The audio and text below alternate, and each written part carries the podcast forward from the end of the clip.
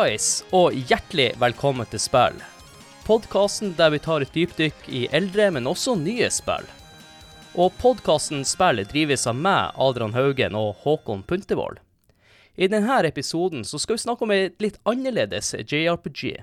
Et spill som gikk litt bort ifra den middelalder-fantasy-settinga som var vanlig for JRPGs tidlig på 90-tallet.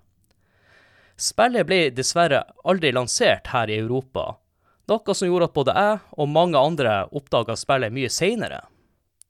Det hjelper jo heller ikke på at eh, spillet går under to titler. Mother 2, som det heter i Japan, og Earthbound, som vi kjenner spillet som. Så derfor er jeg veldig interessert i å høre hvordan du, Håkon, oppdaga Earthbound. Ja, interessant det. Eh, Først må jeg si hei, hei, hei. Altså, Måten jeg oppdaga Earthbound, det var vel egentlig bare at det var en mystisk tittel. Fordi at eh, på Nintendo 64 så har du et spill som heter Super Smash Bros. Og der har du fire karakterer som du kan unlocke. Og en av de var en gutt med en caps som heter Ness. Og vi bare øh, Hvem er han? Hva, hva gjør han i et Nintendo-spill? Alle de andre kjenner vi til, men ikke han. Og inne på character-infoen på han, så sto det, det spill hvor han dukker opp. Earthbound, parentes Snes. Og så var det Ja. Uh, hvilket spill er Earthbound? Uh, jeg har jo masse minner til Snes. Uh, så gikk vel egentlig årene, og så har jeg bare sakte, men sikkert oppdaga det via samling, tror jeg. Så ja. Men, men altså, tittelen har ligget der i mange år, og men jeg har vært veldig usikker på hva, hva er dette spillet her, egentlig. ja, og så har vi jo nå i høst blitt bedre kjent med Earthbound, for vi tok litt mer dypdykk i Earthbound og prøver egentlig å finne ut hva er det her spillet? Hva er hypen? Mm. Ja, for det følger jo med på den der blant annet eh, Snes Online-pakka, som er på, på, Nintendo Switch. Den, det er jo der jeg har testa det, så mm. Det er samme som meg. Men Håkon, vi i spill bruker jo alltid å ha med en gjest, stort sett. Og det her er jo ikke noe unntak, så har lyst til å introdusere episodens gjest. Ja, det kan jeg. Så lenge jeg kan huske, og jeg er sikker på at du også kan huske, og sikkert veldig mange andre, så er det da denne personens navn et ganske kjent navn når det kommer til det norske spillmediet. Han er altså i alt ifra journalistikk, eh, jobb i spillbransjen og mye, mye mer. Han var tidligere med i episode 50 for å snakke om spillbutikker på 90-tallet. Og apropos tallet 50, så fylte han faktisk nettopp 50 år. Ta vel imot vår podkastbror eh, fra Lolbua, Jon Cato Lorentzen. Yo, yo, yo, hallois, og så videre. Eh, hallois, er det den offisielle spill, eh, spillhilsen? Ikke Harlois, men Harlais. det er det, ja. ja, vi kan si hallo, og så kan vi jo egentlig bedre sent enn aldri si gratulerer med dagen med, med voice. Eh, det, det, er jo skrevet til det, men uh, har liksom ikke fått sjansen til å si det med, med stemme. Tusen takk. Så gratulerer tusen takk. med 50 år. 50 fuckings år. Gratulerer med dagen. Så. Hjertelig takk. Vi fikk dessverre ikke møtt opp, men jeg føler denne episoden er litt sånn at uh, vi får generalinspektøren på besøk, for dette er første vanlige spilleepisode du er med i. Ja, det er kanskje det. Ja, jo, det stemmer vel. Så jeg regner med du har sånn evalueringsskjema nå, som eh, når vi er ferdig med innspillinga, så går du gjennom punkter med oss om hva vi gjorde bra, og hva vi jo ikke gjorde så særlig bra. ja, men den evalueringa har bare jeg, så det, den får ingen se. Nei. Det er hemmelige, hemmelige svarteboka mi, det jeg har i, i Lolbua hovedkvarteret. Så er det medarbeidersamtale etterpå. Eh, vurderer deg sjøl én til ti. Yes! Jon Cato, hvordan eh, oppdaga du Earthbound? For det kom jo ikke hit til Europa. Nei, det, jeg jobba jo Altså, spillet kom vel i eh, 94. I hvert fall i, i, Asia, og den amerikanske kom vel rett etter i 95. Og i 96, eller 95, da begynte jeg å jobbe på en butikk som heter Akersmik, i spilleavdelinga der. Og Akersmik var veldig kul, fordi det her var jo liksom pre-internett. Altså pre at du kan kjøpe hva du vil, hvor som helst, før Amazon, alt mulig sånn.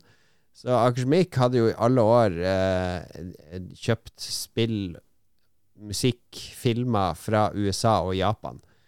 Uh, så vi importerte spill, og det var jo gjerne Det var ofte sånn at mange spill uh, kom mye, mye senere i Europa. Det var jo PAL NTC-problematikk, uten at vi mhm. trenger å gå i dybde på det. ting måtte konverteres, portes, optimaliseres osv. Det måtte være flere språk i Europa, ikke sant? Du må ha fransk, tysk osv. Så, videre. så det var veldig komplisert å få ting til Europa ofte, så ting kom mye før de andre landene. Og det utnytta vi i Akersmik ved å importere spill. Så når jeg begynte i Akersmik, så hadde vi en stor hylle med Super Nintendo-spill. Det var i 95. En svær hylle med masse Super Nintendo-spill. Og så noen av de hadde sånne rare esker, for de var USA-import. De hadde en annen eske enn PAL-spillene. Og nederst på den hylla så hadde vi to sånne big boxes den ene var Super Metroid, og den andre var Earthbound.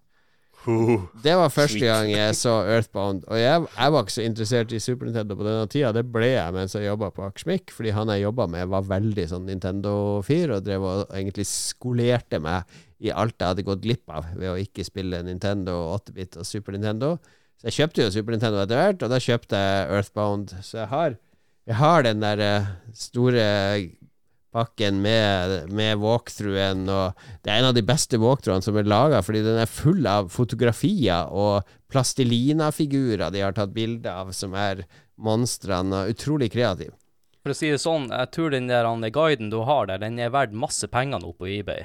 Det eneste som er som jeg ikke tror funker fortsatt, for bakerst er det sånn scratch and sniff-kort. ja, stemmer det. Ja, og de, eh, de jeg, har ikke, jeg, har aldri skrapa på dem, men jeg tviler på at det blir så mye lukt hvis jeg skraper på dem i dag. Er det sånn skrap for oss å lukte hva Ness lukter? Altså, ja. Og så er jo hovedkarakteren i spillet. Jeg tror det står noe sånn kontekst der. På, det er en med Ness. Burn up the competition in a flash, lukter det. Altså. Slip the monkey a banana and watch the bad guys split. Det er også en egen lukt. Ja, det, det er Nintendo på 90-tallet der, altså. Nei, så Jeg kjøpte den boksen fordi den sto der i evighet og det var, var, ikke så mange som var interessert. Spillet var jo ikke så kjent. Eh, det er jo først sånn eh, etter noen år at det har blitt en kultklassiker. Mm. Og jeg tror også at spillet ble eh, godt kjent at, han spilte Smash, og det dukker opp en karakter de ikke hadde noe kjennskap til. Ja, i hvert fall her i Europa. ja. Det er jeg ganske sikker på at Smash har gjort mye for akkurat det spillet der. Både, både, karakteren og uh, det er jo også en stage. Og nett, uh, byen er vel også en stage i Smash, mm, ikke sant? Så stemmer. det gjør jo folk nysgjerrig, uh, hvis man er litt sånn Nintendo completionist. For min del, som ikke spilte Smash før i tida, eller jeg har vel kanskje aldri spilt Smash når jeg tenker meg om, jeg prøvde å huske når var det oppdaga Earthbound, men jeg tror eh, det er ganske mange år siden der eh, man fikk tak i emulatorer på begynnelsen av 2000-tallet. Og der tror jeg en gang testa Earthbound, men jeg skjønte ingenting ut av det. For mm. på den tida så var jeg Jeg var lite kjent med vanlige JRPGs, og jeg likte heller ikke turbasert combat-system. Jeg hadde jo oppdaga Chrono Trigger og Final Fantasy 6 og det var jo en åpenbaring for meg. Jøss, yes, det, dette er jo rollespill, men bare fortalt på en helt annen måte enn uh, tidligere Elder Scrolls eller Pool of Radiance eller alle disse vestlige hadde spilt. Helt annen kultur. Eh, kulturell måte å fortelle historier på. Og så gikk jeg og begynte å utforske landskapet der, og det var ganske mye der. Altså uh, Dragon Quest og Breath of Fire og, og Bahamut Lagoon og, og jeg begynte å skjønne etter hvert at mange av disse ligner ganske mye på hverandre. Altså De er smidd over samme lest. Men når jeg så på Earthbound, det er også JRPG, det var jo helt annerledes. Det var superoriginalt. Det er bra mm. du nevner Dragon Quest, fordi at Dragon Quest er årsaken til at Modder-serien ble skapt. Og jeg tenkte jeg skulle fortelle dere noe om hvordan eh, Earthbound eh, ble til. Ja. Tell us.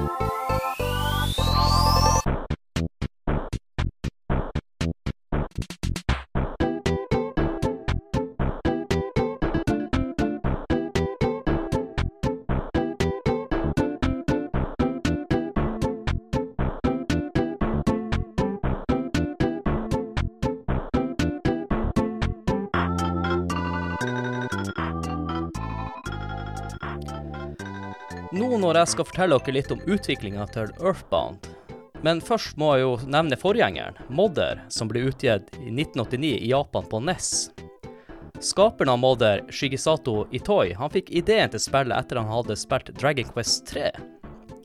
Og når han først pitcha denne ideen til Modder for Nintendo, så fikk han avslag hos han Miyamoto.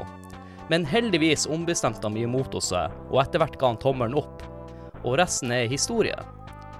Modder gjorde det veldig bra i Japan. De ønska å utgi spillet her i Vesten, men på et eller annet tidspunkt så blir disse planene droppa. Det har i ettertid kommet ut en vestlig versjon av Modder, og denne versjonen ble laga av fans, som hadde fått tak i BT-versjonen på eBay. Modder ble endelig gitt ut her i Vesten den 14. juni 2015, og Nintendo ga ut spillet under tittelen Earthbound Beginnings. Selve arbeidet med Earthbound starta i 1989, rett etter utgivelsen av Modder, og skulle slippes ut på Super Nintendoen. Prosjektet var et samarbeidsprosjekt mellom selskapene HAL Laboratory, Ape Inc. og Nintendo. Faktisk så ble selskapet Ape Inc. oppretta i forbindelse med utviklinga av Modder i 1987. Prosjektgruppa skulle ledes av Ape Inc.-CEO og modderskaper Shigesato Itoi, og arbeidet ble fordelt mellom begge selskapene. HAL hadde ansvar for programmeringsbiten, mens Ape påtok seg de resterende oppgavene. Samarbeidet gikk ikke helt knirkefritt, og de sto overfor mange utfordringer. Utviklingsperioden halt ut i tid, og det var mange ganger prosjektet holdt på å bli kansellert. Itoy har fortalt i ettertid at det var mange ganger han tenkte at prosjektet var doomed fra starten av. Det var heller ikke ideelt at uh, selskapenes tilholdssted ikke befant seg i samme by. Dette medførte til mye reising og kommunikasjonsproblemer. Og programmer som Microsoft Teams fantes ikke på slutten av 80-tallet og begynnelsen av 90-tallet. En annen forklaring var datalagringsrestriksjonene til SNES Cartridge. Opprinnelig var spillet designa for en 8 megabit cartridge, og etter hvert så endte det opp med en cartridge på 24 megabit.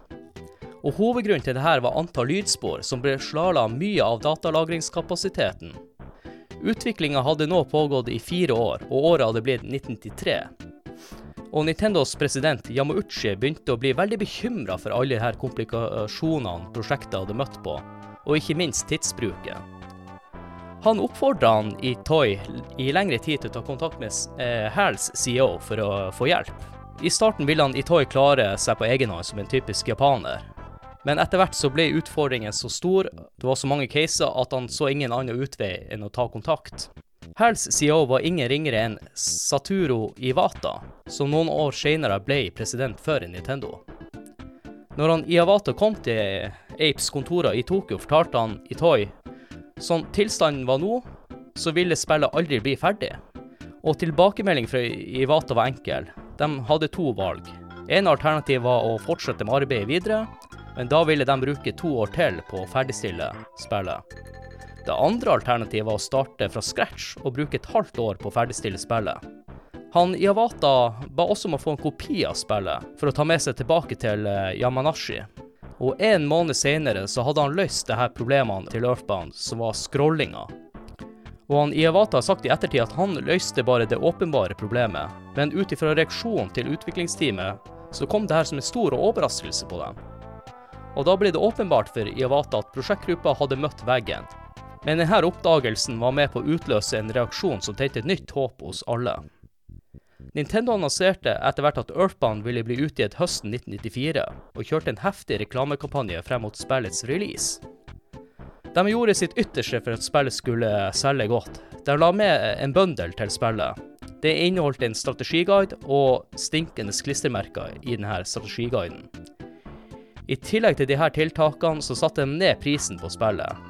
En pris som var lavere enn de andre store SNES-titlene som var ute på markedet. Endelig var dagen kommet. Fem år etter, med en tøff utviklingsprosess, ble Earthbound utgitt 27.8.1994. Og det skulle nesten ta et år før spillet kom til Nord-Amerika, hvor spillet ble sluppet ut 1.6.1995. Og i Amerika så var ikke respons like god som den hadde fått i Japan. Et av slagordene jeg brukte under markedsføringskampanje for Earthbound ved lansering, var 'This game stinks'. Mulig dette var en årsak til den labre mottakelsen fra det amerikanske publikummet. Og spillet solgte rundt 140 000 eksemplarer. Og da lurer jeg på, er noe fortalt om noe som var nytt for dere, eller er det noe dere har lyst til å tilføye?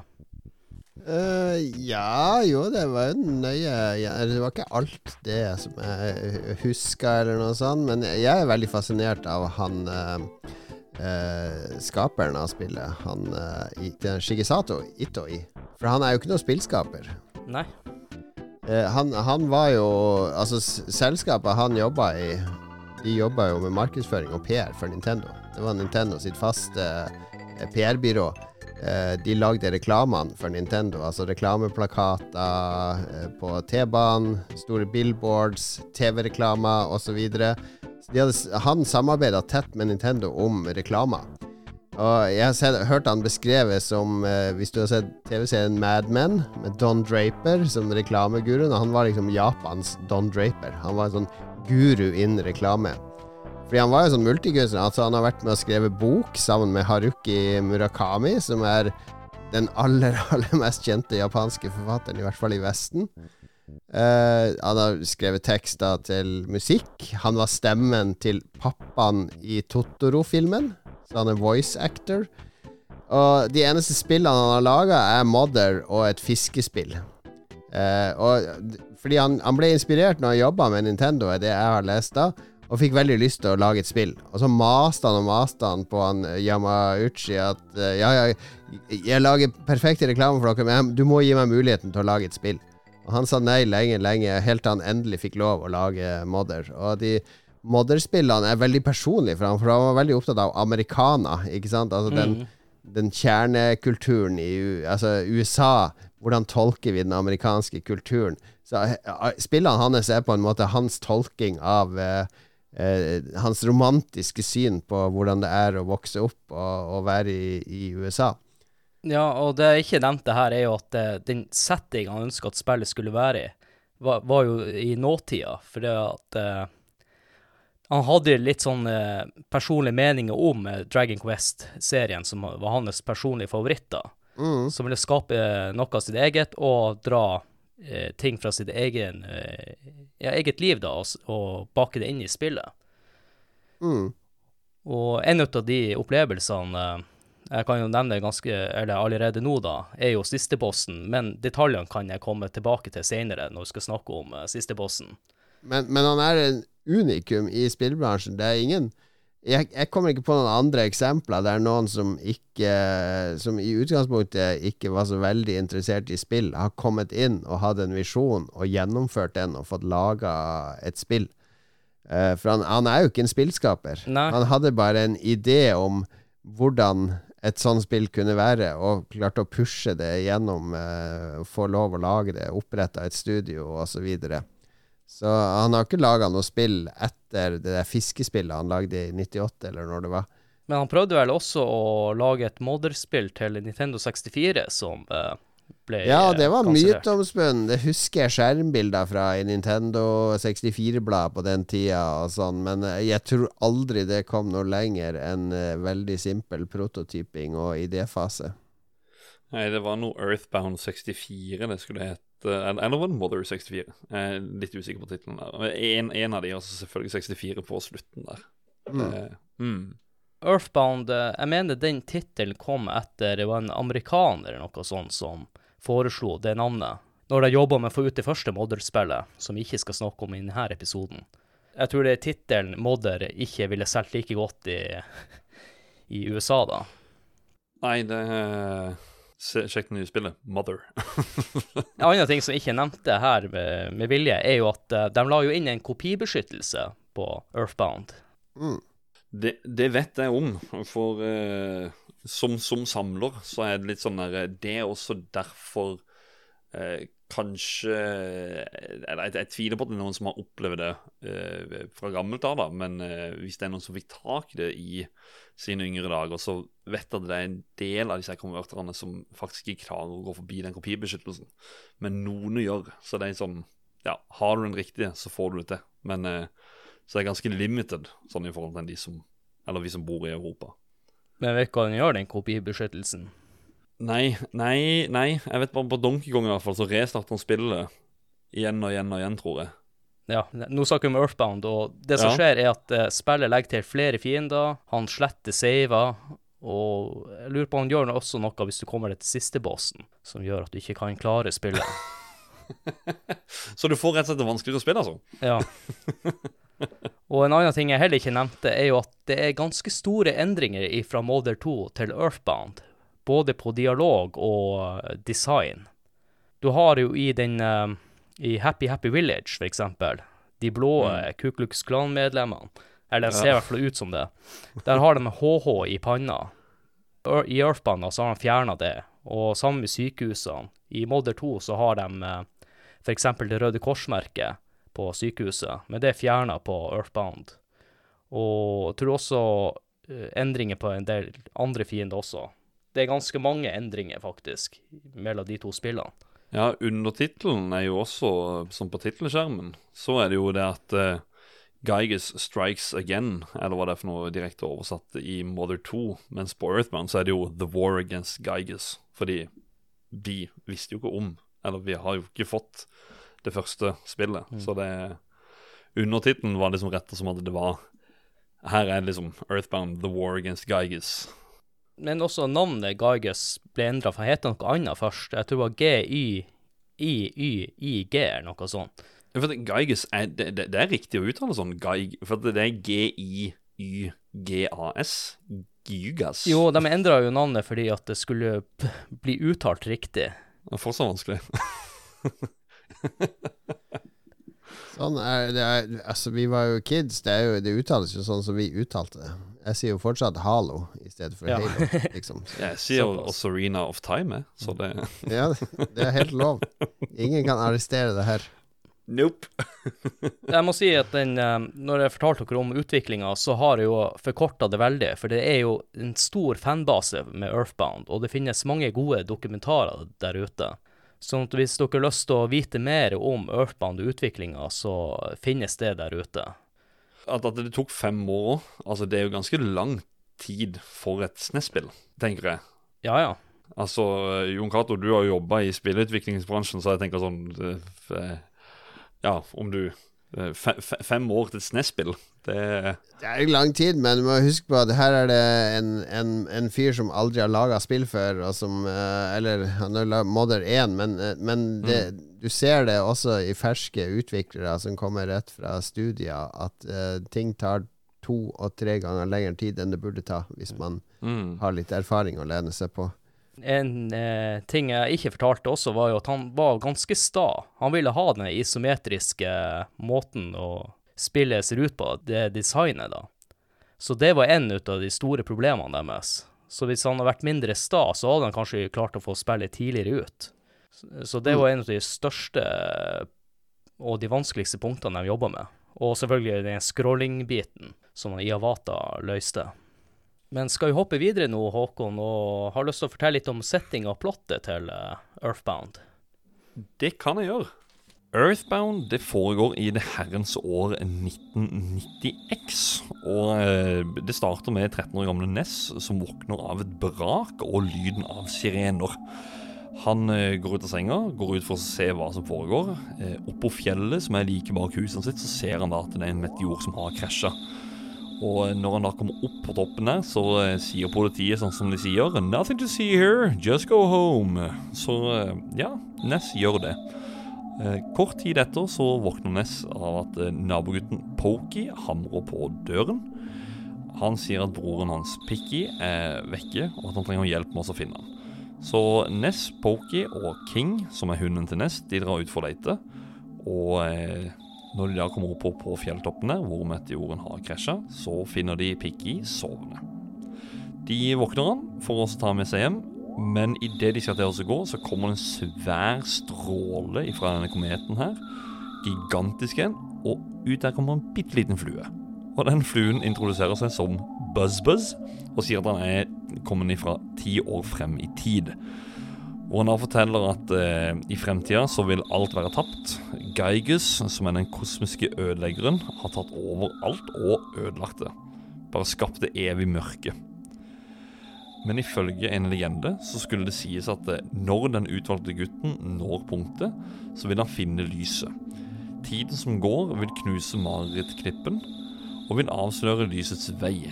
Og Buzz Buzz, han mener Ness er denne gutten. Så Ness må på en reise som aldri før for å redde verdens fremtid, og møter en del nøkkelpersoner som vi kommer til å nevne etter hvert i episoden. Det er i grunnen det. Det er, det er litt til, da. Med, med, med diverse ting i starten, der, men jeg vet ikke hvor mye detaljer vi skal hive oss inn i det. Jeg synes at uh, vi må få med at han Buss-Buss blir drept av mora til han Pokey, for det setter litt settinga til hele spillet. Og allerede da får du se litt av humoren uh, Earthbound Ja. kommer med. Mm. Det, det er jo egentlig Ja, kan, kan jeg si det. At de, de kommer hjem da med Pikki og Pokey. Og så står de og snakker med mora og faren. Og så ser du at da, da flyene Buzz-Buzz flyr rundt Ness. Men så begynner han å fly rundt mora. Og da slår hun Buzz-Buzz. Og det er sånn Alt blir stille. Du ser han bare slow motion daler ned.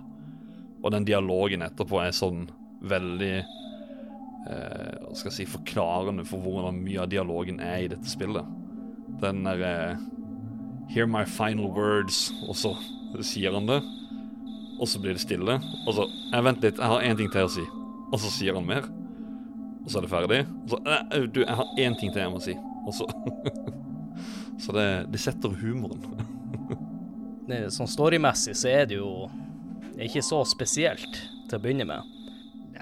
Det som er spesielt, er jo uh, Det er jo ingen andre spill som tar utgangspunkt i Der helten basically er en kopi av deg sjøl. Altså, du er en kid i en liten by med mor og, og uh, skal ut Altså, du er skolegutt. Mm. Det er jo den situasjonen. Mm. Mange som spilte Super Nintendo, var jo det. Altså, ok, Vi var ikke amerikanere, men vi, vi vokste opp med Punky Brewster og amerikanske serier og alt sånt. Men vi kjenner oss igjen i settinga, for vi er ikke et foreldreløst barn i en eller annen fantasyby med et stort sverd og en trollmann eller drager og dill og dall. Det, det, er bare en kid i en by med en kompis og en bikkje og, og alt sånt. Så det, det var jo en veldig spesiell setting og start. Altså Eh, det er sånn hva, hva, skal dette spillet by på, som skal gjøre at jeg skal være interessert i å spille et spill om mitt liv? Og så kommer det jo ganske fort uh, ja, uh, ufo eller romvesen altså de, mm. ja, det, det, blir jo ganske fort en, en bisarr Twilight Zone-versjon av vår egen verden. Og mm. den introen og det plottet som Håkon fortalte om her jeg må trekke litt tilbake det jeg sa, for det, det bygger litt stemning. Det er litt mystisk. Det er noe politimenn ute, så for min del så følte jeg meg litt som en liten gutt. Så, at her er politiet, jeg har lyst til å finne ut hva som skjer. Mm. Jeg må ærlig innrømme at jeg, jeg, gikk litt glipp av at han var 13 år. Jeg tror han bare var 8-9 år. Så ja. jeg har tolka spillet kanskje på en litt annerledes måte, da. Jeg har tenkt at spillet, det her spillet er noe som foregår gjennom eh, øynene til en 8-9-åring. Sånn, det han ser, er kanskje ikke det den virkelige verden oppfatter men her føler jeg at jeg har tatt feil. Så jeg tenkte at dette var en genial ting å, å vise frem på, da. Men ja. nå sitter jeg igjen med det inntrykket med om at, at uh, du gjør ikke det. Spillet er sånn som du ser at det er. Det er ikke at han uh, Ness, eller som jeg kalte han Ness for Punti, tror at verden er. Ja, jeg, apropos det, du kalte han for Punti. Jon Cato, jeg kalte Ness for Jon C. For jeg tenkte ja ja, vi skal ha gjesten, så da må jeg spille med Jon C. ja, men jeg tror det er litt sånn blanding av det Adrian sier, fordi jeg tror eh, i kamper og fiender og sånn er liksom der eh, Ness sin fantasi som tar litt overhånd. Mm. Altså Du møter en annoying old party man. Ja, det er en, en full Salary salaryman på vei hjem fra jobb som, som du må bekjempe. Det er ikke ja. sikkert alle disse kampene foregår i spillets virkelighet. Men uh, Nei, det, det, er et eller annet Det er noe Stranger Things, Goonies Altså alle, alle, sånne serier med ungdommer, kids i hovedrollen, som foregår i denne tidsperioden, uh, har noe av det samme magien i seg. Den der mm. uh, evnen til å, å, Hva heter det? Sense of wonderment. Altså mm verden er mystisk og uutforska, og man, man, blir litt sånn i åv av alt man oppdager. Eh, men det er en sånn barnlig naivitet i alt kan skje. Eh, vi er, vi er ikke bunnen av de voksne sine grenser av 'dette er realiteten'. Slutt å Det fins ikke spøkelser, det fins ikke romvesener. Eh, det fins ikke kråker vi skal slåss med på vei til, til jobb. Men i, i denne verden her, så finnes det. Og så liker jeg også designet på spillet. Når jeg eh, spiller spiller, så drar jeg paralleller til eh, tegneserien Snoopy. Ja. Eh, nei, men det er vittig at du sier, for det var egentlig noe av det første jeg følte. Det er, det er noe Ja, det er noe Snoopy med det. Det er noe Snoopy med karakterene i Ja. spillet og, og alt, egentlig. Så ja, det er faktisk noe av det første jeg la merke til når jeg begynte å spille det. Så sånn Hm. Snoopy. det var et eller annet med det, ja. Altså, den tegneserien heter det Knøttene. Eh, Nå er jeg 15 pluss her, så jeg må poengtere at vi snakker om tegneserien Knøttene, der Snoopy er en karakter. ja, stemmer det. Det er det. ungdom, altså. Ungdom. Men jeg har en liten sånn uh, morsom fun fact med Nå handler ikke det her om Earthbound, da, men uh, South Park-skaperne, når de lagde Stick of Truth, så henta de inspirasjon til spillet ifra Earthbound. Uh, Og uh, ja, sånn som i South Park, så har de jo episoder der de foregår i forskjellige settinger, der du Eller South Park handler jo om at du ser alt igjennom deres barneøyne og deres tolkning av den virkelige verden. Jeg, jeg tror nok det her var noe Itoy uh, ønska å få frem, da. jeg har jo ikke spilt de South Park-spillene, så jeg kan faktisk ikke si meg enig uenig, eller hva nå enn. Men i hvert fall et spill jeg må sjekke ut. Jeg var jo på eh, E3 der de viste det spillet første gang, og da var jo både eh, Trey Parker og Matt Stone på scenen på den pressekonferansen, så jeg har jo sett det i levende livet. Mm. Men de var For det var det, var det E3 der eh, Microsoft var så opptatt av det der Det var når de dreit på leggen med den nye Xboxen, med at det skulle være sånn TV-oppkobling, og du skulle ha sånn second screen. Husker dere det? Ja. Watch. TV, watch the sports. Ja, men du skulle også ikke sant? Du kunne se på eh, Game of Thrones, så skulle du ha på en sånn Windows-tablet eller PC oppe attmed. Der skulle du kunne se på kartet til Vesterås hvor handlinga var, og sånn. De hadde laget sånn funksjonalitet. De drev og maste om det på den pressekonferansen. Så da Trey Parker og Matt Stone kom for å snakke om det spillet Og det her spillet det kan du spille inne i kjøleskapet ditt mens kjøleskapet ditt forteller deg hvor du er. Og for en brave new world! Og de drev og harselerte litt med det. Det var litt gøy. Det som er viktig også å få frem i spillet her, og som han Håkon nevnte med Buss Buss, det er jo dialogen, som egentlig er det beste med hele spillet. I hvert fall for min del. Ja, eh, det, det, dialogen ikke, ikke, bare, ikke bare mellom karakterene du møter, men altså til og med i, i, i kampene, så er det liksom Det er sånn Ja, jeg vet ikke om du egentlig skulle til å si det, men, men eh, det er i hvert fall den der eh, Jeg husker ikke om det er en sånn pogo-stick, eller om det er en drill, eller hva det er for noe. Men de, de hopper liksom. Du ser at de egentlig skal hoppe på deg for å angripe, men oi, de sklei, så de, de klarte det ikke. Det var ikke den derre missed attack. Det er liksom alltid en forklaring på alt som skjer. Det er en veldig kul måte, da. Sånn generelt på, på alt. Ja, det er kjempekomisk. Det, jeg tror det var en kamp, så var det en, en eller annen karakter han bare Han, han orka ikke å slå. Det var måten å misse på. så det, det er helt sånn absurd. Så stemmer. de brukte jo veldig mye tid på de her eh, dialogene, han Itoy og dem. Og Mm. de lykkes uh, veldig bra med det. Eller jeg kan ikke si om Modder 2 hvordan dialogen er der, for at eh, dialogen fra Modder 2 til Earthbound er jo forskjellig. Han som gjorde dialogen i, for den amerikanske versjonen, han endra jo på mye ut av eh, dialogen. Og gjorde mer vestlig, og henta mer eh, referanser. Jeg tror det er en plass du banker på ei dør, og så spør han eh, Det er noe med Beatles-sangen 'Yesterday'. Det er XXX eh, 'Yesterday'.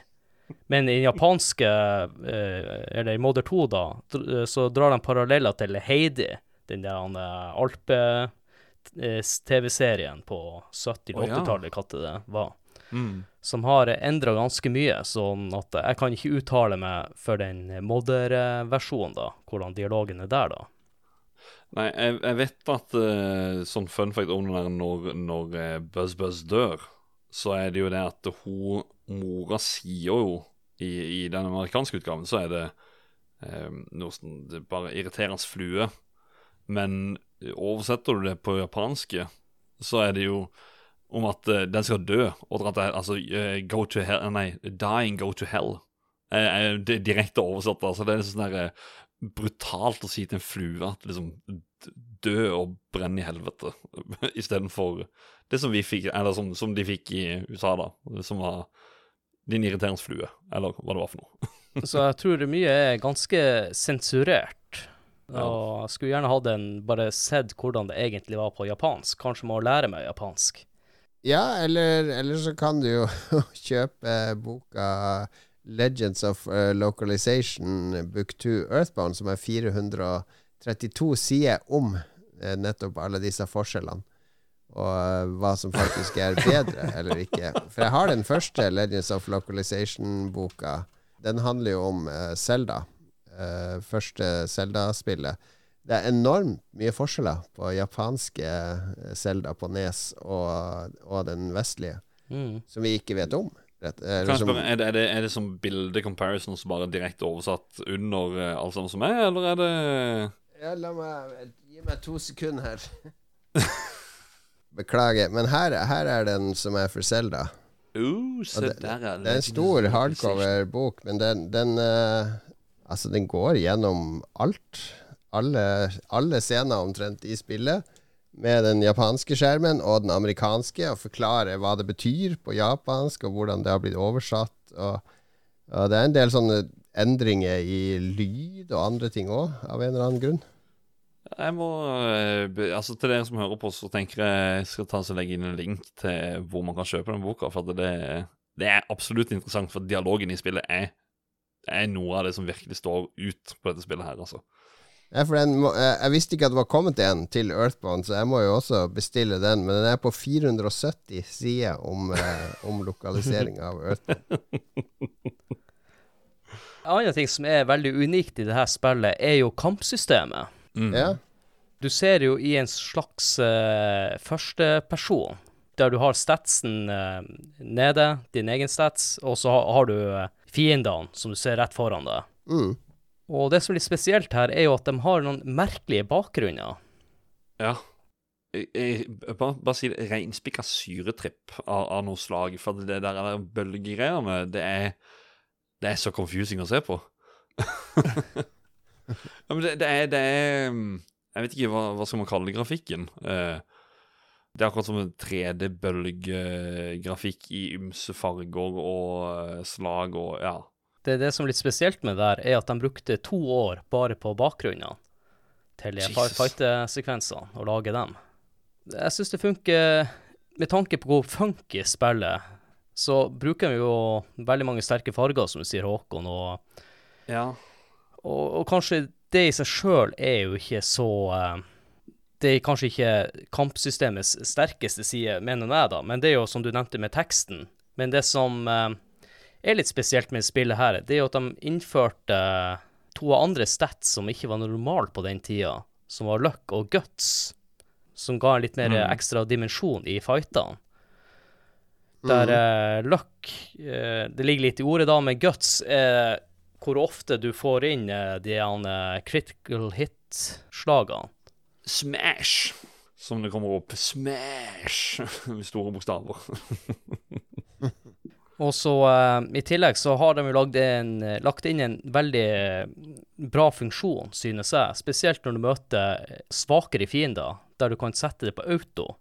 Ja, altså hvis du finner noen som er, jeg holdt på å si, altfor svake for å slåss mot deg, så velger de bare å Ja, det er bare kampen bare avslutter. Du bare står U1 før kampen i det hele tatt starter. Sånn at det bare Ja den der eh, ble faktisk lagt inn fordi at han, Miyamoto han er ikke så glad i sånne JRPGs. Så mm. det er mm. han som kom med det innspillet om å få med den funksjonen. Men selve autofighten er jo, nok, det er jo noe du velger på menyen in, i in game, da. De fightene du faktisk må ta. Mm. Som, uh, ja, kan gå og lage deg en uh, pina colada eller noe mens maskinen slåss for deg, da. Men det er jo også um, måten du Hvis du prøver å løpe vekk fra en fiende Altså, oi, shit, nå begynner han å løpe For det, det, er jo så greia at eh, fiendene er jo det er random encounters, sånn som i andre JRPG-spill, sånn som f.eks. Final Fantasy eller Dragon Quest. Ja, du har det i eh, Final Fantasy Mystical Quest, men der står fiendene i ro. Men her, de, her beveger de seg litt mer. Egentlig ligner litt på det i Selda 2, hvis dere har spilt det til NES. Ja da. Ja, nå dro vel det egentlig bare veldig mye bare Final Fantasy, kanskje. Ja, ja, det er vel egentlig flere spill som har det, men Ja, men i, i, i Zelda 2 så kommer jo fiendene mot det, og, og, samme greia jo her. Og som du sier, Håkon, hvis du Hvis man klarer å komme angripe fienden bakfra, så får du det første angrepet. Men mm. det samme gjelder jo også motsatt, da. Ja, så hvis du prøver liksom da altså, Oi, shit, jeg så, der, der så den soppen med, og så begynner han å hoppe etter det. Altså, oi, shit, så må du løpe vekk, og så treffer han det. Du rekker ikke å snu deg i tide, så blinker skjermen da rødt, og så vil du da få et hit med en gang kampen begynner. Jeg synes jo det her systemet eh, skaper en, bedre dynamikk. Du må faktisk følge litt med i overworlden, og ikke bare svirre, og så plutselig blir du dratt inn i en kampsekvens. Her kan Ja, du for- egentlig prøve å unngå fiender. Mitt problem med akkurat det her er jo at eh, stort sett så er jo de fiendene, de har jo De er jo som Usain Bolt. Det går ikke an å springe ifra dem. Så av og til blir du tvunget i de her fightene. Det synes jeg er litt eh, dumt, da. Og så føler jeg også at eh, det er litt vanskelig å snike seg på de her fiendene. Det er ikke ofte jeg får starte med et angrep. Nei, altså, jeg er litt på den der at de ehm, Jeg føler det er litt grinding som må til i, i, i spillet også, så det er litt mye Litt mye kamper. Men, jeg kan, men, men, men la meg komme med et lite tips. Jeg, sånn som, jeg opplevde veldig ofte at jeg hadde litt liv. Da du ser fienden, så går du vekk fra fienden igjen, sånn at dette ut forbi skjermen. Så går du opp igjen, og da er det gjerne spåna ny igjen. Går du vekk igjen. Når du da kommer opp igjen da, for andre gang, så er det gjerne ingen fiender der. Som gjør at du ja, kan da komme videre. Det er hvis det du har lite liv, eller ikke noe igjen av healing, eller ja. Men et system som vi også må ta fram her, med tanke på kampsystemet, er jo den, eh, det HP-systemet. Mm. Der eh, når du, når du blir truffet, så teller livene ned, i stedet for at det går eh, fra de livene du har, og bang rett til det du har mista.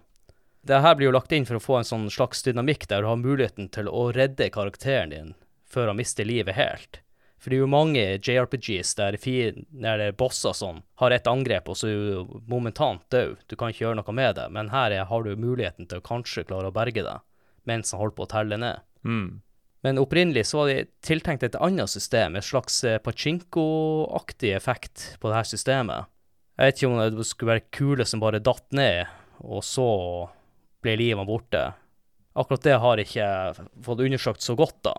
Men utfordringa med det her systemet var det at når fiendene fikk eh, mer helse og ga mer skade, så ble det mye krøll på det her. Og derfor gikk de over til det nedtellingssystemet, da.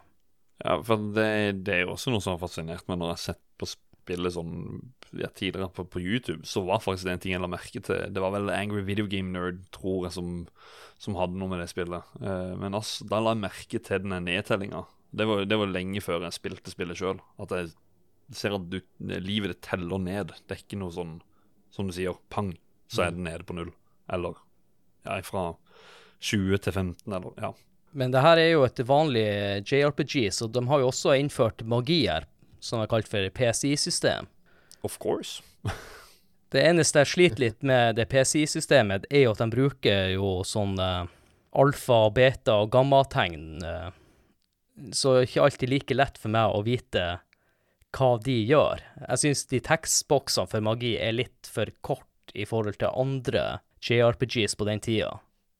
Men du har jo en funksjon inni menysystemet der at du kan trykke på help, som forklarer litt hva de forskjellige systemene gjør. Men jeg, jeg savner litt det med at uh, de kunne vært bedre forklart enn å bare bruke de, de tegnene, da. Mm. En annen ting som jeg oppdaga med spillet her, det er når, eh, når man slåss mot fiender, og, og de fiendene du møter, så føler jeg at eh, på et tidspunkt i spillet, ganske tidlig, så endra vanskelighetsgraden seg ganske kraftig. Så jeg fikk mye juling en liten periode, før jeg fant ut at man kunne jo dra og kjøpe ting i butikker og sånn. For det er jo litt fascinerende med spillet her at eh, skal du eh, heale deg og få ny magi, så går du bare inn til et eh, hotell. Og skal du kjøpe deg våpen, så går du inn i dagligvarebutikken og kjøper et eh, balltre eller en eh, baseballcaps. Ja, det er jo helt realistisk. Det er sånn det er i USA. Skal kjøpe våpen, er bare å gå på butikken. Og ikke bare med det. I stedet for når du eh, banker opp fiender sånn at du får penger momentant, her må du rett og slett gå i minibanken, for du får jo et sånn kredittkort hos far din. Ja. Så etter fighter og sånn, så må du gå i en minibank, og der kan du ta inn Nei, eh, sette inn penger og ta ut penger. Og måten du lagrer på, er jo at det er også telefoner i de her hotellene, så du må ringe til far din for å kunne save. Jeg elsker at du må, at du må ringe til far din for å save. Og hvis det er lenge siden du har sava, så, så ringer far din til deg. Så han må jo egentlig ha på en måte en mobiltelefon eller en beeper eller noe som gjør at uh, For plutselig så ringer han fra ingen plass, og du får beskjed om at nå er det noe lenge siden du har lagra, kom nå og legg deg, og Det er, jo, det er jo eh, Han har ringt til meg en del ganger, men eh, det, det skal sies at jeg har spilt spill med save state, så jeg har vel egentlig aldri sava noe hos han, det, tro, tror jeg. Hvis jeg husker rett nå. Jo, én gang, tror jeg. Men, men ellers så, så, har- så har jeg spilt med save state, så da Han har ringt litt. og sagt at Herre, har du spilt med trainer òg, Håkon? Er det, sånn, er det sånn du holder på? Nei, jeg spiller Nintendo Switch, så det I'm, I'm, I'm a good guy. Ok. Skal vi kanskje snakke litt om det, noen til karakterene, da? Jeg kan jo nevne, Vi har jo snakket om han Ness, men grunnen til at han heter Ness, er at han er oppkalt etter eh, Ness og Sness. Flytter du S-en eh, fra Sness tilbake S-en, så blir det Ness. Så så enkelt er det egentlig. Og så blir du jo kjent med hun eh, Paula, som eh, på en måte tar kontakt med deg når du ligger og sover, og ber om å ber om hjelp, da. Litt som Selda gjør i Selda Zelda Link to the Past. Bruker sånne mm. telepatiske evner. Og hun kommer fra byen eh, Tucson. Og her, eh, det som har skjedd, da, er at hun har blitt kidnappa av den her eh, Happy Happy Village-kulten, da. Så du må jo eh, dra dit etter hvert og befri henne, da. Mm. Og, men våpenet er jo litt sånn kvinnediskriminerende, siden det hun bruker er ei steikepanne. Så jeg vet ikke om det hadde vært tillatt i dag, da. Nei, det tror jeg faktisk ikke hadde funka i dag. Eller kanskje jeg, jeg, jeg vet ikke. Det er jo Apropos Smash, det er jo faktisk eh, Det kommer litt an på settinga, men hun, hun var jo frem, hun var fremstilt litt sånn der um, svakere i den japanske versjonen enn i den amerikanske. Han oversetteren gjorde henne litt tøffere, faktisk. Å ja, såpass. Mm. For hun tåler jo litt mindre enn de andre også i kamper, men eh, hun, har, hun er veldig god på magi. Men det er jo veldig typisk sånn JRPGs på den tida at de, de kvinnelige karakterene var veldig gode på magi, og så svak på vanlige melee-angrep, da. Mm. Og så har du jo han eh, Jeff Andonuts, som er sønn av en anerkjent forsker, eh, doktor Andonuts. Og han er jo en uh, smarting, da. Han er den smarte blant de, de, de teamet ditt. Det ser du bare ved å se på selve spriten av karakteren. Du ser dette er en smarting. Han eh, Ja. Så han er, ja, han er rett og slett Petter Smart. Han fikser ting og, og reparerer ting. Og den siste karakteren han blir du kjent med ganske seint i spillet. Det er han Pooh, som er en sånn random eh, Shaolin-munk. Jeg husker ikke helt i farta om det er Ness som tar kontakt med han gjennom drømmene, et eller annet. Men han, eh, på en eller annen måte eh, Når du blir kjent med han, så er det litt sånn bisarr scene, for han skal eh, gå på et fjell og meditere. Og der er det sånn at han er i ånd, eller noe sånt. Og den ånden ber han om å ofre først armene sine, og så må han ofre beina, og så må han ofre ørene, og til slutt så må han eh, ofre øynene sine. Det er det jeg kaller en kravstor demon. Ja, Det- var ganske groteskt. Dæven. Men etter det, da, etter han har gjort alt det, så teleporterer han seg til resten av gjengen og hjelper dem i en fight. Han, det er han som ikke liker vestlig mat heller. Han, eh, han får ikke noen sånn healing-effekt av å spise hamburger og sånn. Stemmer det. Det har jeg Det husker jeg ikke. Det har jeg ikke fått med meg engang. Men det er jo en morsom detalj, da. Igjen, spillet har mange sånne små detaljer som eh, er rett og slett geniale. Mm. Og vi har jo vært inne på faren til han Ness, og her er det litt sånn eh, personlige erfaringer fra han i, i Toy, da. At eh, navnet fra eh, spillet, da, Mother, er jo henta fra ei John Lennon-låt med samme navn. Mm. Og grunnen til det her er at den låta ga stort eh, inntrykk på Anito, siden han er vokst opp uten at faren har vært til stede, da. Og denne låta handler jo om at eh, ja, John Lennon har ikke vokst opp med eh, Ikke han John Lennon, det er jeg litt usikker på, men det handler i hvert fall om en person som vokste opp uten foreldrene sine. Mm. Greia er i spillet her at du møter jo aldri faren til Ness. Nei, altså, for meg så er det jo akkurat som at eh, ja, Siden du må ringe til han for å ta ut penger, som du sier, altså du må save der, så Ja, men du møter han- han aldri fysisk. han-. Du ser han aldri Nei. fysisk. Nei, jeg føler på at det handler litt med snesen som du spiller på. Eller, ja. på, på mange måter. Og mora Jeg har aldri skjønt egentlig hennes rolle uten å være mor, da. For når du ringer til henne, så kommer hun bare med Eller hun sier hun har ikke tid, hun skal støvsuge og litt sånne ting. Hun er hyggelig, fordi det er jo i starten Det er jo også liksom, sånn detalj jeg ikke gidder å ta når når jeg fortalte plottet, da, men det er jo det at han, han um, Pokey han står jo og hamrer på døra, og det, det, det, du snakker sånn ordentlig hamring. Det er banking, og, og søstera til Ness er redd, og hun er redd, og så kommer du som sønn ned i stua, og hun sier ja, kan ikke du gå og så åpne døra og se hvem det er? Det er som Ja, ofre guttungen din hvis det er en galning som står og hamrer på døra, ikke deg sjøl. Så um, ja, som du sier med støvsuging, uh, har ikke tid til å prate. Jeg vet ikke. Hun, hun virker ikke akkurat bekymra for sønnen. Det er jo mer faren der som er bekymra for eh, sønnen Mm. ja, på sin ferd. Og så til slutt så har hun søstera Hun har jo også en rolle i spillet. For inventory i Jeg sliter ofte når jeg spiller spill her med inventory space, spesielt i starten når du kun spiller med NES. Den fyller seg fort opp, for uh, mye av Mm. som du bruker, er, er også inkludert i denne inventoryen. Så da har du muligheten til å ringe søstera og så få det sendt til et større lager. Og hvis du trenger de her tingene i ettertid, så sender hun sånn en bud til deg. Og så skal jeg jo nevne noen andre viktige karakterer i spillene. Orange Kid, som er han tjukke oppfinneren. Og der lærer jo spillet det én ting, for du har jo to oppfinnere. Du har han Orange Kid, og så har han Apple Kid. Og han Apple Kid, han eh, har et fint hjem, virker su suksessfull, mens han Orange Kid er en tjukk unge med rotete hjem, og, og han sier sjøl at han ikke dusjer, han stinker. Så du har muligheten til å investere i en av de her to, eller kanskje også begge. Men Orange Kid er jo den, den virkelige geniet, da. Han Apple Kid gir det noe ubrukelig, hvis jeg ikke tar helt feil. Men han hjelper det med nye oppfinnelser i løpet av spillet. Og så har du jo han, både han doktor Andonuts, og så har han Pokey som får en eh, mer eh, viktig rolle etter hvert i spillet på den negative sida, med tanke på at uh, han blir en fiende og hjelper han uh, Gygas. Og så har du jo Runaway 5, der uh, jeg mener vokalistene er rip-off av Blues Brothers.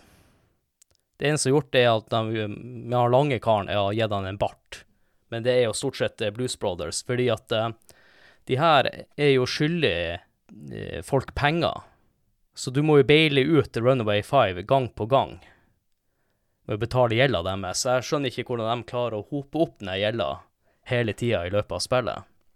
De ble, dette er jo en av mange endringer fra, den, fra Mother til Earthbound. For i Mother-versjonen så har de svarte dresser alle sammen. Så det er oh, ja. prikk, prikk like Blues Brothers. Mens for å unngå trøbbel, så, så endra de fargene i, i Earthbound. Så at de har fargerike dresser. Ja, OK. Det var en artig eh, fun fact, da.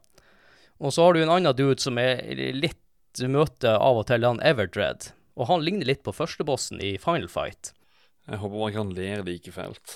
Så etter han fikk juling av han Cody i Final Fight, så endte han opp i Own, nei, i Tucson og levde dagene sine der. Og det er han som faktisk hjelper deg å betale gjelda første gangen til eh, Runaway 5. For han gir deg jo 10 000 dollar etter du har vært og banka de sektmedlemmene i Happy Happy Village. Det japanske navnet hans er jo Donchiki, eh, som betyr eh, altså, Ifølge Viken er dimwit, eller numskull, altså idiot. Å ja. og så har vi jo en til som jeg har eh, tenkt jeg skulle nevne. Det er han Mr. Saturn, som er den, eh, de rare skapningene. En stygg Kirby, på en måte, bare med I stedet for stor kjeft, så har han stor nese. Det var min andre eh, inntog, holdt jeg på å si, til Earthbound. For at det var også noe Igjen via Smash, da, som var sånn nest, altså, Den der figuren der, jeg bare så Det, det er noe veldig knytta til Ness her. Det er weird karakter. Veldig, veldig, veldig weird.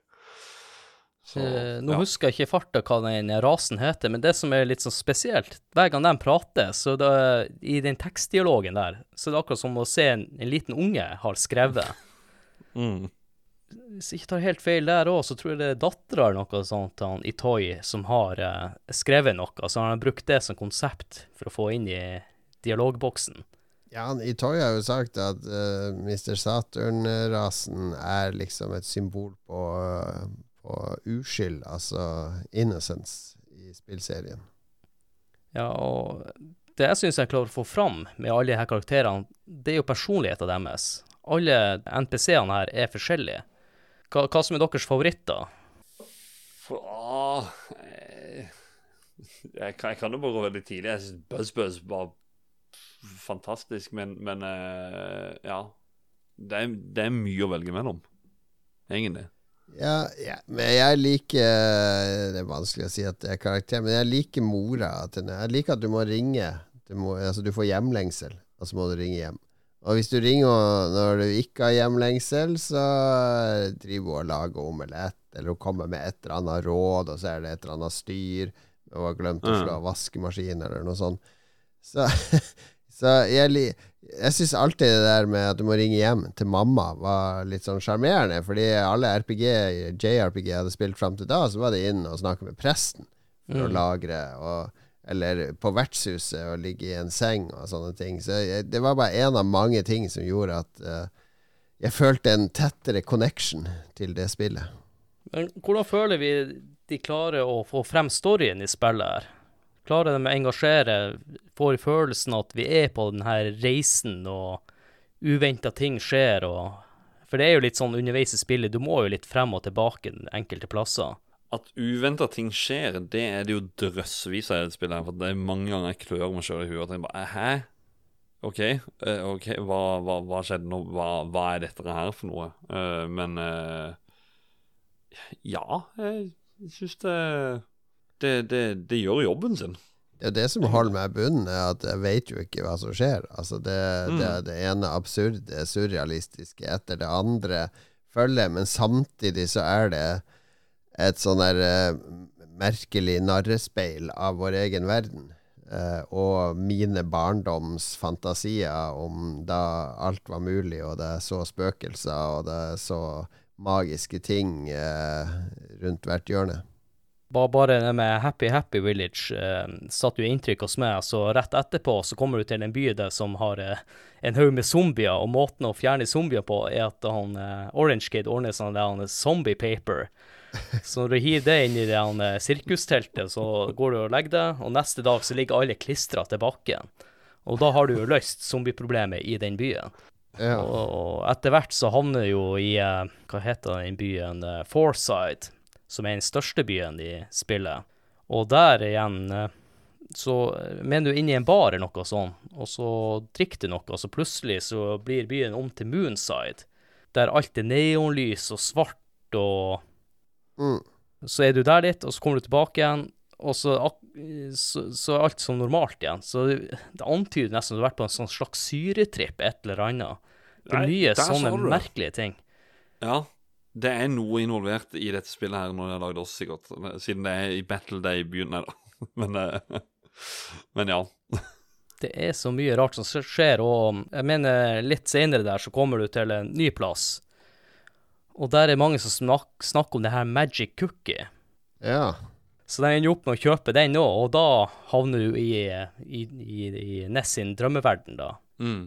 Og der møter han seg sjøl som barn, og det er mange av andre barndomsvennene, og plutselig blir han venn med en sånn der bird guy, som ser ut som en sånn slags uh, Hva heter de i Final Fantasy? De, eh, de han, eh, fuglene i Final Fantasy, nå sto det helt Choco, stilt. cho, chocobo. Ja, han ser ut som en slags chocobo som følger etter deg og hjelper deg.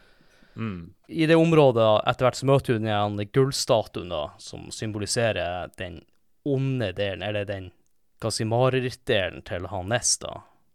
Og så når du bekjemper den, så kommer du tilbake til deg sjøl igjen. Så det her er jo også litt sånn, jeg tenker, den, han, det er jo vel en sånn hash brownie et eller annet han har spist der, som sender han også på en trip. Again. Sånn skjer. Ja, jeg føler mye ut av humoren her rett og slett er retta mot de litt eldre. Jeg tror ikke jeg hadde skjønt det her i det hele tatt eh, hvis jeg spilte som barn. Jeg tror jeg ville tatt alt veldig alvorlig. Ja, men jeg tror det kan spilles på begge nivåer, ikke sant? Jeg tror eh, det er litt som eh, Carl Bark-serien Donald Duck. At eh, når du leser de som barn, så identifiserer du deg med Ole Dole Doffen. Mm. Og når du leser de som voksen, så identifiserer du deg med Donald, som sliter med regninger og Ja. kjærligheten og andre ting. Altså, det, det, det, det appellerer på to plan. Jeg har jo en tiåring nå som har begynt å se på Simpsons. Han har fått for seg via TikTok eller folk på skolen eller noe sånt at det er kult. Så jeg sitter og ser Simpsons første sesong med han. Det er jo utrolig mye som går rett over hodet på han, ikke sant, av, av eh, Simpsons. Men det, det er også ting der som han som, som taler rett til han, og jeg tror det er litt det samme her. Mm. jeg, jeg er jo veldig sånn motstander av barnespill som snakker ned til barn. Eh, ikke sant? Mario Mm.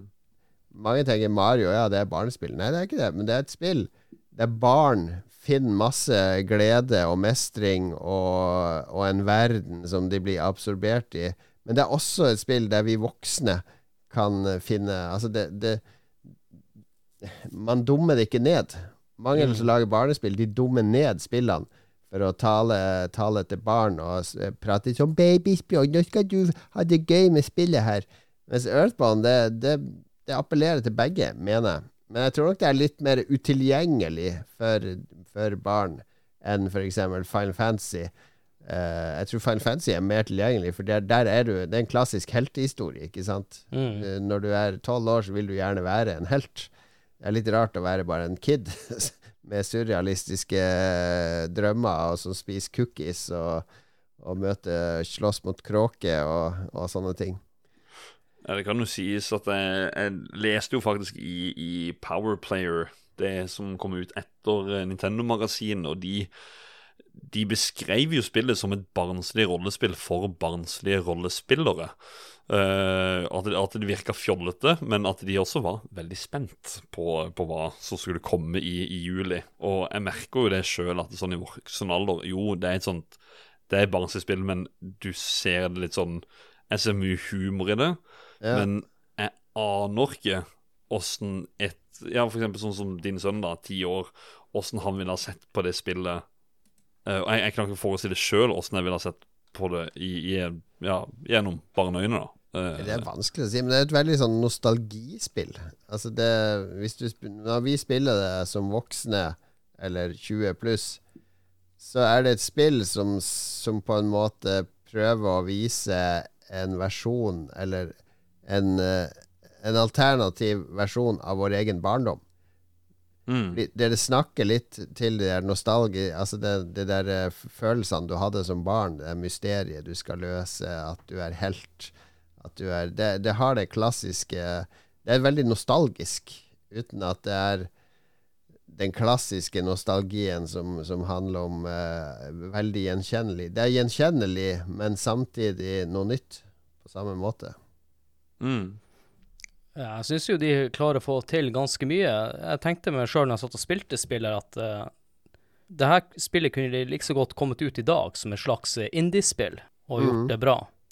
Bare med tanke på utseende og uh, dialoger. Selvfølgelig så er det kanskje noen menysystemer sånn som kunne vært oppgradert, men Ja, det er jo bare å se på Undertale, uh, som, som aldri hadde eksistert uten Earthbound, antagelig. Og så er det jo litt spesielt at Earthbound har blitt en, på en måte en klassiker uten å være klassiker for mange her i Vesten. Som sagt, det, gjorde jo Det gjorde ikke så særlig bra, men det har jo bygd seg opp en veldig stor fanbase, Mm. som eh, egentlig ikke er normalt med tanke på et så gammelt spill klarer å, å, å gjøre akkurat det, da. Så mange år i ettertid. Nei, det er, det er den eh, fanskaren der jeg føler jeg har Jeg vet ikke om det er folk bare har sett blindt og bare sagt at Earthbound det er dritbra for at eh, den personen sier Jeg vet ikke, eh, rykte nesten. Bare f- føler jeg da for, for veldig mange. For at det, altså, vi hadde jo ikke tilgang på det, så det, det er liksom berykta for det, da. Og så Ja, altså, jeg Ja, eh, hadde emulator-tida og dette her back in the day, og det Men Earthbound var fortsatt ikke det spillet jeg hørte om, da. Det var som sagt på Smash i eh, Earthbound, i parentes Snes. That's it. Det var ikke noe mer enn det. Det jo sånn at Vi har ikke nevnt så mye om de, de forskjellige byene. Vi har snakket om noen, og det, og det er jo greit. Men jeg ville bare få frem at uh, de er jo litt geniale med måten de har uh, navngitt de byene her. For det har OneNet, eller Onet, som er One. Og så har det Tucson, som er Two. Og så har du byen Tread. Og så har du Fourside. Så de er basert på den første byen, andre byen, tredje byen og fjerde byen. Og så har du mange andre sånn småområder i tillegg. Så Mm. ganske enkel eh, navngivning til de her byene. Ja. Så hvis du er usikker på rekkefølgen, så ligger det rett foran deg. da. Spillet er jo ganske speisa, men det blir jo mer og mer speisa etter hvert, for du kommer jo også til en sånn eh, dinosaurverden som er Du må ha en undervannsbåt for å komme deg dit, og ting bare eskalerer hele tida. Og det gjør jo at i hvert fall jeg blir mer og mer nysgjerrig på hva som skjer videre. For dere som ikke har lyst til å høre på siste bosskampen, så kan dere hoppe fram med fem og et halvt minutt. Og for dere andre så er det bare å høre videre. Vi må jo selvfølgelig snakke om han uh, Gygas. Det er jo litt sånn eh, Ting blir mer og mer speisa, men på slutten så må jo du sende eh, Dere må tilbake til fortida. For det er der han Gygas holder til. Og så blir sjelene til han eh, Ness og Paula, Jeff og Pooh sendt over til noen roboter som tar veien videre. Mm. Og når du kommer til dette området, så etter hvert så kommer det til noe som ser ut som en slags innvoller og tarmer som bare følger etter. Og til slutt der så møter du på en Pokey, og så vet jeg ikke helt hva det skal ligne på det han eh, resten av det her, men det, du ser i hvert fall ansiktet til Ness. Og da starter jo den her han, eh, bossfighten, da. Og først må du jo slåss med Pokey, og når han eh, begynner å tape kampen, så releaser han av Gygas, på en måte. Og Mm. da er det jo noe som skjer med den bakgrunnen her. Du slåss jo egentlig med en bakgrunn. Igjen. Det er så Altså, eh, syretripp eller et eller annet. Men uh, altså, det, det, det som skjer i bakgrunnen der, er Jeg kan ikke beskrive det, egentlig. Det, det, det er sånn Det er så speisa og fjernt som du får det til å bli. Jeg vet du hvorfor det ser så speisa og kanskje litt eh, groteskt ut? Det er jo fordi at eh, når han eh, Itoy var liten, så gikk han jo på kino for han skulle se en film. Og her klarte han å gå inn i feil sal. Og det han ble vitne til der, var ei dame som holdt på å bli lemlesta og drept. Så Oi. det her var noe som satte seg inne på netthinna hans i flere år etterpå. Og det han ville med denne gigasfighten, å gi oss den samme opplevelsen han hadde som barn når han så det her scenen på kino. For det, det er litt spesielt med han eh, Gygas, uh, hvordan han ser ut da. Det er mange som uh, uh, kanskje ser på han som en slags et ansikt, sånn demonansikt. Men i tillegg, siden det er så mange av dem, så gir denne formen også en slags form at det ser ut som en baby som ligger der i, i magen på ei mor. Hvis dere finner fram et bilde her, så kan dere se sammen med meg. Mm. Ja, ja, det er Ja, eh, jeg holdt på å si eh, Nå fikk jeg nesten litt eh, mother brain Eller nei, men Eller jo, eller nei. Ja, men det er en sånn uh, Genova òg, til og med, fra Final Fantasy 7, faktisk, som er inne i kapsel, eller Ja. På en annen måte så er det jo litt sånn eh, som å se på TV som psykolog og sånn. Hva, hva tenker på når du ser det her? Det er sånn malingsklatt. Ja. Og det er jo det Faktisk. denne bossen gjør. Ser du et foster som ligger der, eller ser du det han eh, spøkelsesansiktet? Men han har sagt i ettertid at det at det skal være et foster, det er noe eh, Det er ikke hans eh, Det er ikke det han har tenkt dem å lage denne gigasbossen. Det er sånn formen tegner oppi, og Ja. så kan du tegne ut et foster ut av det. Jeg har sett at uh, hvis du snur opp ned de her bildene, så ligner noe ut av det som vi tror er et foster, på siste bossen i, i Modder 1. Sånn silhuett av den. Ja Jeg, jeg tror det er litt sånn du ser det, det du ønsker å se, rett og slett. Nei, det, det er i hvert fall at når du ser Altså For min del så er det når du har sett den der eh, Når du har sett det fosteret, så er det liksom det, den derre uh, If you've seen it, you can't unsee it, på en Ja. måte. Det er, det, er, det er så forma opp til at uh, det er liksom nese Alt er der, på en måte. Og eh, du sliter jo med å slå den bossen, for til slutt så ender du opp med at Paula begynner å, å be, da. Mm. Og da får du jo hjelp fra alle vennene dine, og alle begynner å be, og til slutt så forsvinner Gigas. Og spillet er over. Ganske enkelt. Men ne, har han eh, Gygas eh, gjort noe inntrykk på dere, da? For det er jo en litt annerledes siste boss i forhold til mange andre typer spill. Spesielt eh, JRPGs og Ja, det er jo en veldig minneverdig bosskamp og en minneverdig boss og en eh, er- Jeg vil ikke si det er et antiklimaks. eh, Det kan fort bli det i mange JRPGs. Fordi det, det jeg liker med Earthbound igjen, det er jo at det tar ikke seg sjøl så seriøst, og det harselerer med både seg sjøl og andre JRPGs. Og det klarer liksom å holde den tonen gjennom hele spillet, men samtidig føles litt sånn episk på slutten. Man Mhm. blir litt investert. Mm. Og det som kanskje gjør fighten så episk, er jo musikken. For, eh, I siste fighten så er han ganske annerledes i forhold til resten av spillet. Mm. Jeg har jo nevnt litt om utviklinga av EarthBand, Earthbound, men jeg har ikke snakka så mye om musikken. Musikken ble laga av komponistene Keiichi Suzuki og Hirokazu Tanaka. Og de var ganske heldige, for de fikk egentlig lage musikken de, hva de ville. Og de henta mye inspirasjon ifra John Lennons musikk, da. Og så har han i tillegg sampla masse andre kjente låter. Og det her er også grunnen til at, at det tok så lang tid før de fikk eh, gitt ut spillet på nytt igjen. Ja. Fordi de har eh, kopiert så Ja, brukt mange kjente låter, da. De fikk jo ganske god tid. Jeg tror de fikk hele to år på å lage denne musikken. Så når de sleit med tida på alle andre plan under utviklinga, så hadde de her karene frie tøyler og god tid. Og som jeg nevnte tidligere, er at eh, de måtte jo ha en større cartridge av alle de her eh, soundtrackene som var brukt i spillet. Kan jeg ta feil nå hvis jeg sier at det spillet der har et sted 70-80, om ikke 100 låter? Altså, det har så Ja. sinnssykt mye musikk. Uh, altså official soundtracks, eller hva nå enn du finner på en CD, eller hva nå enn som er eh, produsert en gang i tida, inneholder sikkert et lite knippe, men uh, det er jo latterlig stort, det soundtracket til, til spillet. Ja, det soundtrack som kom ut i 94, da hadde 24 låter, hvor tre ut det her var remixer. Ja. Og det er jo ganske mye bare det i seg sjøl til å være et Super Nintendo-spill. Mm. En annen ting som er litt artig, er jo at mye ut av de lydeffektene i Earthbound blir også brukt i spillet Kirby Stream Course, siden det her blir lagd samtidig. ja. Hva dere synes om musikken i Earthbound? Klarer de å ska skape den rette stemninga? Jeg syns den er helt unik i Super Nintendo-sammenheng. Altså, den er sånn små traller her og der, og så har den helt sånn psykedeliske greier her og der. Og det er noen forsøk på gitarsoloer, og den er, den er veldig sånn drømmende, svevende og bisarr. Mm. Så den står veldig i stil med, med det spillet prøver å formidle.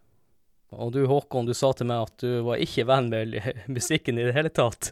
Jeg skal, jeg, skal, jeg, skal, jeg, skal, jeg, skal, jeg skal faktisk holde, med, holde, holde litt tilbake til vi skal rate spillet. For da, da, da kommer jeg nok med en setning som sikkert kommer til å uh, gjøre at noen sparker meg i skinnleggen neste gang vi treffes. Men, uh, men Ja, det, det, det leverer på noen punkter. Litt sånn som Jo Cato sa, det er den stemninga og åssen Hvor du er og sånn, så leverer det. Det gjør det, altså. Uh, det er litt sånn Ja, lever opp til der du er, sånn at du mm. Bare for å oppsummere helt til slutt, da. Er det noe dere vil trekke frem som trekker opp eller ned spillet, som dere har lyst til å påpeke? Nei, altså jeg anmeldte jo Aftenposten uh, i uh, 2013, da det kom ut på VU. Det? første, det første offisielle lansering av spillet i Europa. Jeg ga det en sekser, så jeg har ikke noe å trekke ned på. Nei. det er jo bra når vi skal rate spillet nå snart, om du er like enig da Jeg har alle rata det allerede. Det er anmeldt og på trykk i Aftenposten. Det ligger i Nasjonalarkivet, min anmeldelse. Du, den, eh, den, den, den må vi faktisk se om vi finner bilder eller et eller annet, sånn at vi kan poste den inn i kommentarfeltet på, på Facebook-gruppa og inn på Discord-kanalen. Ja, Ja, det har vært interessant å få lest den. Det ligger på nett. Ja, kjempegøy. Hvis folk har lyst til å teste det her ut Jeg og du, Håkon, spilte det på Switch, og jeg vil eh, anbefale folk å sjekke den eh, Super Nintendo Online-servicen til eh, Ja. Switch, og spille den der. For da har du også muligheten til å save state, og du kan jukse også med å spole det tilbake Mm. hvis du Og ta kampen på nytt igjen. Det var sånn som jeg sa, at faren ringte meg en del ganger for at jeg, jeg saver ikke så veldig mye vanlig save. Jeg bare save-stata. så ja. Det er, det er en fin måte å gjøre det på. Har vi noen tips til folk som vil å starte med spillet fra scratch? Nei, jeg, jeg syns det er Det er ikke veldig utilgjengelig. Det er jo bare å prøve seg fram. Altså, det eneste du må være innstilt på, er jo å slåss en del. Fordi den grinden er nødvendig for å bli sterkere. Ja. Det sa jeg faktisk til Adrian, for han begynte på spillet eh, like før meg. Og da, eh, da hadde han sagt at uh, han følte han måtte grinde. Men jeg har sagt at det- er veldig mange RPG-spill hvor jeg føler på at folk sier du må grinde, men så føler jeg bare ja, jeg følte at jeg måtte grinde. Men dette her er første gang jeg kjente grind er et must her. Eh, det skal grindes, for å si det sånn. Det jeg har lyst til å si, er at folk må være litt tålmodige. For jeg har jo starta med spillet mange ganger og gitt opp altfor tidlig. Vær tålmodig, gi det litt tid, og det her er et perfekt spill hvis du er litt bakfull, eller bare har lyst til å slappe av i godstolen. Så jeg vil anbefale folk å sitte i en god sofa eller en godstol og spille det her. Ja, ta deg en øl samtidig, og litt potetgull. Det er, sånn, det er et kosespill, rett og slett. Du blir ikke stressa av det her spillet. Og så vil du selvfølgelig også kunne flire en god del. For styrken er jo dialogen. Og husk å snakke med masse forskjellige NPC-er.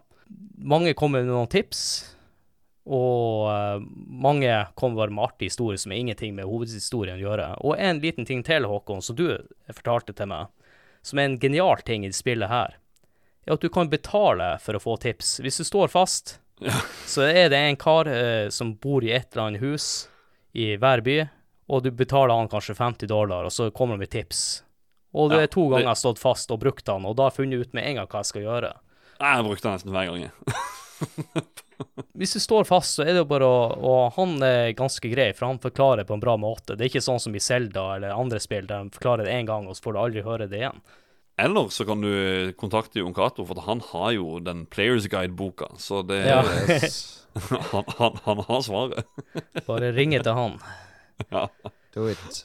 Og helt på tampen her, ønsker vi en remake eller en uh, gjenoppliving av Earthbound-serien? Uh, nei, jeg, jeg, jeg vil ha nye spill. Uh, jeg vil ha Elden Ring framfor Dark Souls 4. Hvis du, spør, eh, hvis du spurte From Software-fansen for tre, tre år siden, så hadde de sagt nei, nei, vi vil ha Dark Souls 4. Vi vil ha Dark Souls 4, men slutt å Slutt å Lag heller noe nytt. Så, så du ønsker ikke et nytt Earthbound eller noe sånt? Nei, jeg synes Earthbound er perfekt eh, som det er. Altså, jeg skjønner ikke hvorfor Hvem ønsker seg Ønsker du deg en ny Ghostbusters-film? Nei, ingen ønsker seg det. det. Nei, du har nok rett i det. Ja, nei, men, men, eh, men litt sånn eh, Kall det i, i, eh, i sjela av Earthbound. Bare det er Ja, et det, er spill. fe- det har du. Det heter Undertale. Så hvis du ikke har spilt Ja. Undertale, så spill det. Toby Fox eh, var så inspirert av Earthbound at han har laga en helt egen moderne Det er ikke Earthbound, men det er en moderne indie-klassiker. En av de største av de største som Mm. har kommet. Så det fins spill som uh, tar essensen av Earthbound og lager noe nytt ut av det. Og det er det jeg vil ha. Jeg vil ikke ha et spill der Ness fortsatt er 13 år og skal ut og gå med Paula og Po og, og, og gjengen sin. Jon Cato har talt. Nintendo, don't touch Earthbound. Men da kan vi jo si at uh, for dere som uh, har lyst på mer Earthbound, sjekk ut Undertale. Dere som ikke har spilt Earthbound, spill Earthbound. Ja, og så ta spillet for det det er. Det var også en ting jeg ville si. Med, med som første gang gjerne. Altså, du må, du må bare Bare uh, Ja, ta det for det det er. Og så se spillet litt. Vær tålmodig. Så går det seg til.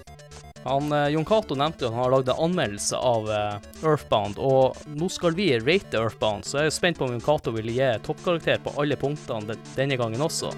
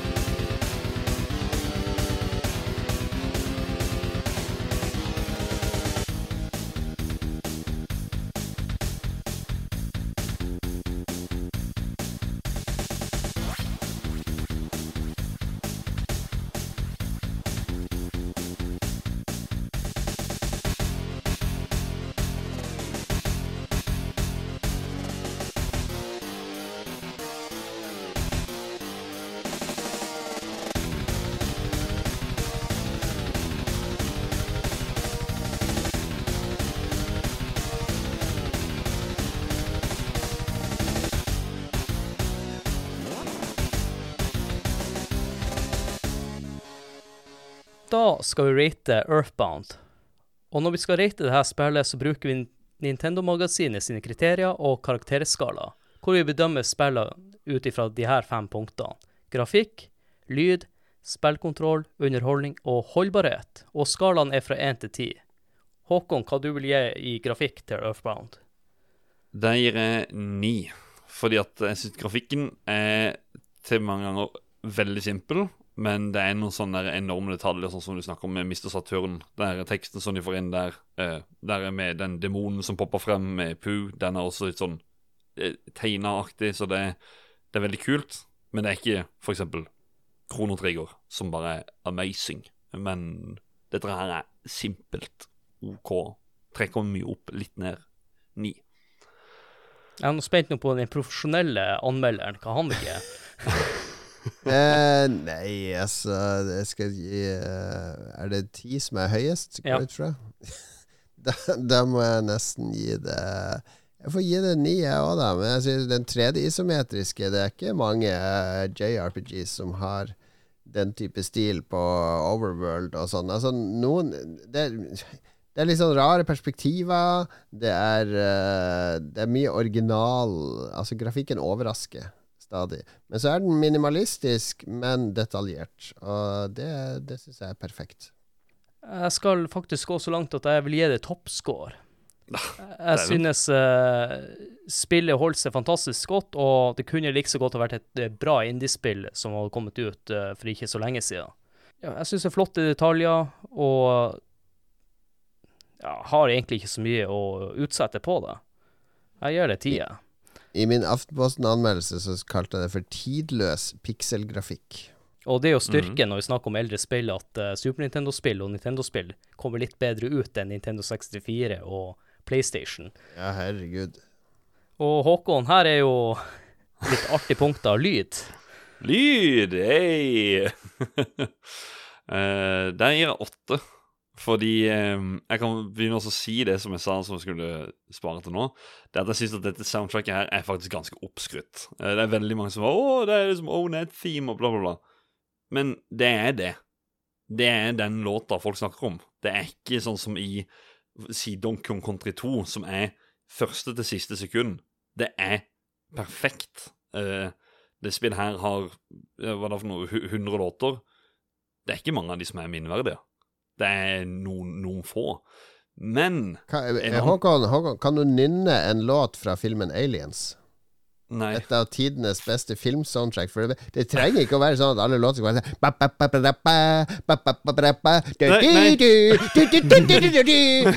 Det trenger ikke å være at alt skal kunne nynnes. Det skal bare lage en stemning og legge seg bak der.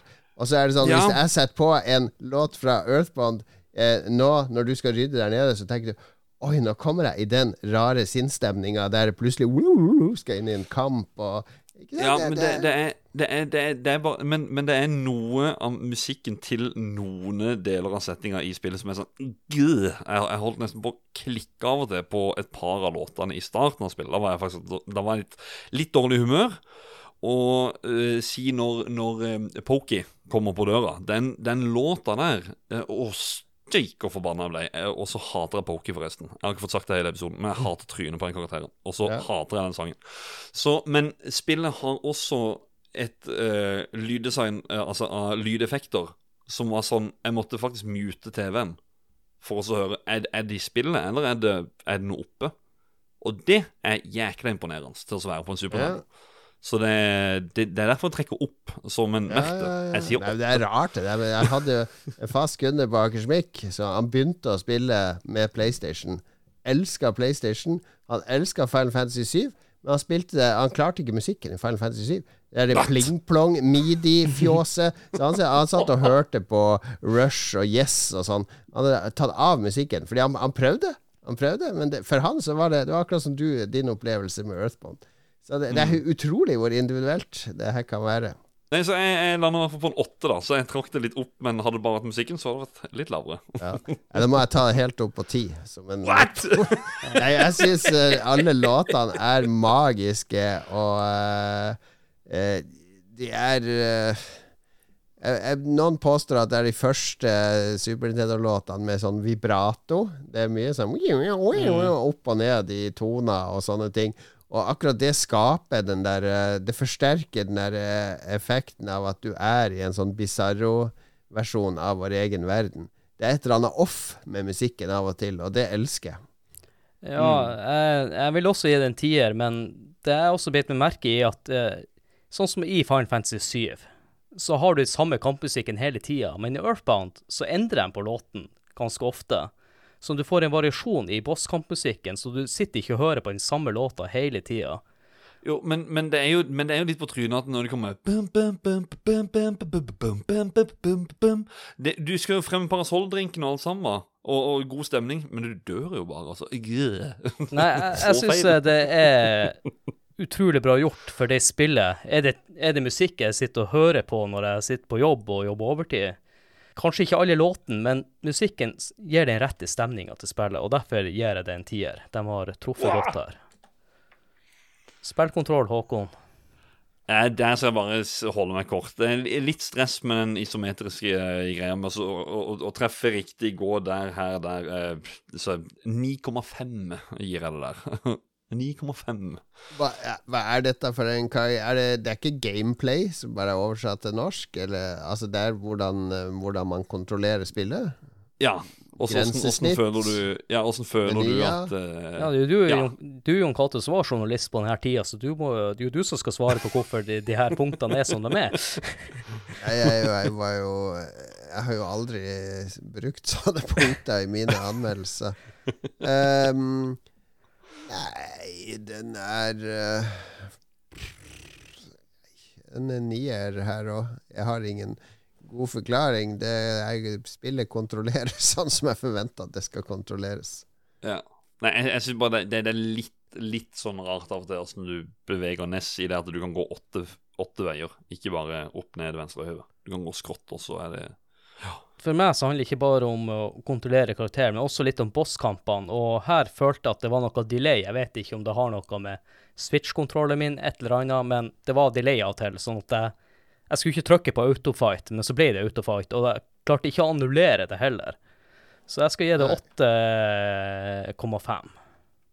Underholdning, Håkon. Eh, det er morsomt. Det er jo, vi har snakka mye om dialog og alt sammen. Uh, jeg, jeg klarer å irritere vanna meg over karakterer, som gjør at jeg har lyst til å slå av spillet, men jeg slår det ikke av, for at det er noe som fortsatt fanger meg med det. Uh, jeg klarer ikke å gi det ti, men jeg, jeg gir det en, en, en ni. Ni, OK? Ja. Nei, jeg må gi underholdning er Jeg syns det er vanskelige, vanskelig ord dere bruker her. Det er ikke vi i Nintendo-magasinet. Ja, ja. Nintendo-magasinet. Nei, men underholdning eh, For å si Altså, jeg, Jeg har spilt det to ganger. ikke sant? En gang på 90-tallet, når jeg Mhm. hadde originalen og adapter på Super Nintendoen min og satt med guiden og sånn. Og så har jeg gjenbesøkt det en gang på Vi Nei, på, ja, på Wii U Mm. for over ti år siden. Da spilte jeg liksom eh, tre-fire timer bare for å, å kjenne på den følelsen. Eh, den unike følelsen jeg hadde på 90-tallet. Så jeg har jo ikke spilt det siden da, men jeg husker jo ekstremt mye fra det spillet. Og for meg så er det det at spillet har brent så mye fast i hjernen min. Jeg husker ikke om jeg hadde det gøy hele tida når jeg spilte det, men det er, jeg husker alt fra start til slutt. Du Og sitter igjen med en god opplevelse. Jeg har anmeldt 1500 spill, og halvparten av de kan jeg knapt huske noe av i dag. Jeg kan lese anmeldelsen min på nytt og si å ja, ok, det var sånn jeg hadde det. Det var sånn jeg, jeg følte. Men det her har brent seg inn i, i hjernen min, så jeg må, jeg må gi det en tier her. Det har en eller annen Jeg vil ikke kalle det underholdning, men det har en eller annen annen verdi for meg. Jeg vil, jeg vil også gi det en tier. Det er litt sånn som Kronotrigger. Det er et gammelt spill, et spill jeg ikke har nostalgi til, men det sluker meg opp på en måte. Jeg Ja. synes det fortsatt føles nytt. Det, du har lyst til å bare spille litt til for å finne ut hva er det som skjer videre, hva er det neste funky greiene å oppdage. Så det er litt sånn Du føler at du er på en Goonies-reise. Ja, altså, jeg har spilt masse Breath of Fire, Dragon Quest-spill eh, jeg spilte tonn av de her greiene på Super Nintendo da jeg ble helt hekta på JRPGs. Og mange av de her Jeg kan ikke gjengi plottet eller storyen eller Herregud, hvor mange ganger har vi ikke gått eh, kommet til kongens slott, og så skal det gå oppover, oppover, oppover, oppover, oppover og der sitter kongen på trona. Og sånn. Altså, det, det, det ene glir over i det andre, men det her er helt Det skiller seg jo fra alt, alt annet innen sjangeren. Mm. Og siste punktet, Håkon. Holdbarhet. Hvordan har det holdt seg? Ja, altså, jeg spilte jo, jeg spilte jo ikke dette her når jeg, var liten, men, men eh, fra året det kom ut, og dagens standard på indiespill og rundt den samme greia og, jeg, jeg, selv, om, selv om det har vært litt negativ eh, Jeg skal faktisk være eh, hyggelig og bare si eh, ti, Ti. Jon Cato? rett og slett. Eh, jeg syns uh, egentlig det er veldig Det er ingen Mange av disse gamle spillene har noen sånne der, uh, ting som, som er litt vanskelig å forholde seg til i dag, men jeg syns egentlig ikke Earthbound har det. Og de quirkene det har, er liksom forklart Eller de, de har en narrativ forklaring. Ja, du må gå til en telefon og ringe til, til far din for å Mm. lagre, eller ta ut Mm. penger, eller søstera di for å lagre items og sånn. Eh, det er ikke en mekanikk som er, eh, er der, føles i veien. Det føles som en del av dette bisarre universet, så jeg syns det holder seg veldig bra. Så du gir det ti? Ja, ja, ja. ja. Den Eh, er dok- seks. dere har eh, Ja, dere har sagt det meste, så jeg gir det også en ti. Uh. Da er vi ferdig med ratinga. Så får vi se nå på eh, Godtid-episoden om hvor langt opp havner Earthbound. Det slår Yes. ikke Kronotrigger, det kan jeg si her og nå, for Nei. det hadde full score på alt. Ja, der spoila du Krono Trigger-episoden, med andre at folk har hørt den. Men eh, som du sa, det skal inn på en sånn spell of the year. Altså spillene vi har snakka om, har vi gitt eh, rating på. Så blir disse her sortert sammen, og så, så står det da en svær liste. Og eh, ja, det ene året så eh, var eh, og eh, Super Street Fighter 2 Turbo det kom eh, bedre ut enn eh, Mass Effect 2. Så alt kan skje i Spell of the Year-lista. Men nå, Håkon, nå tenker vi går over til lyttespalten. Yeah!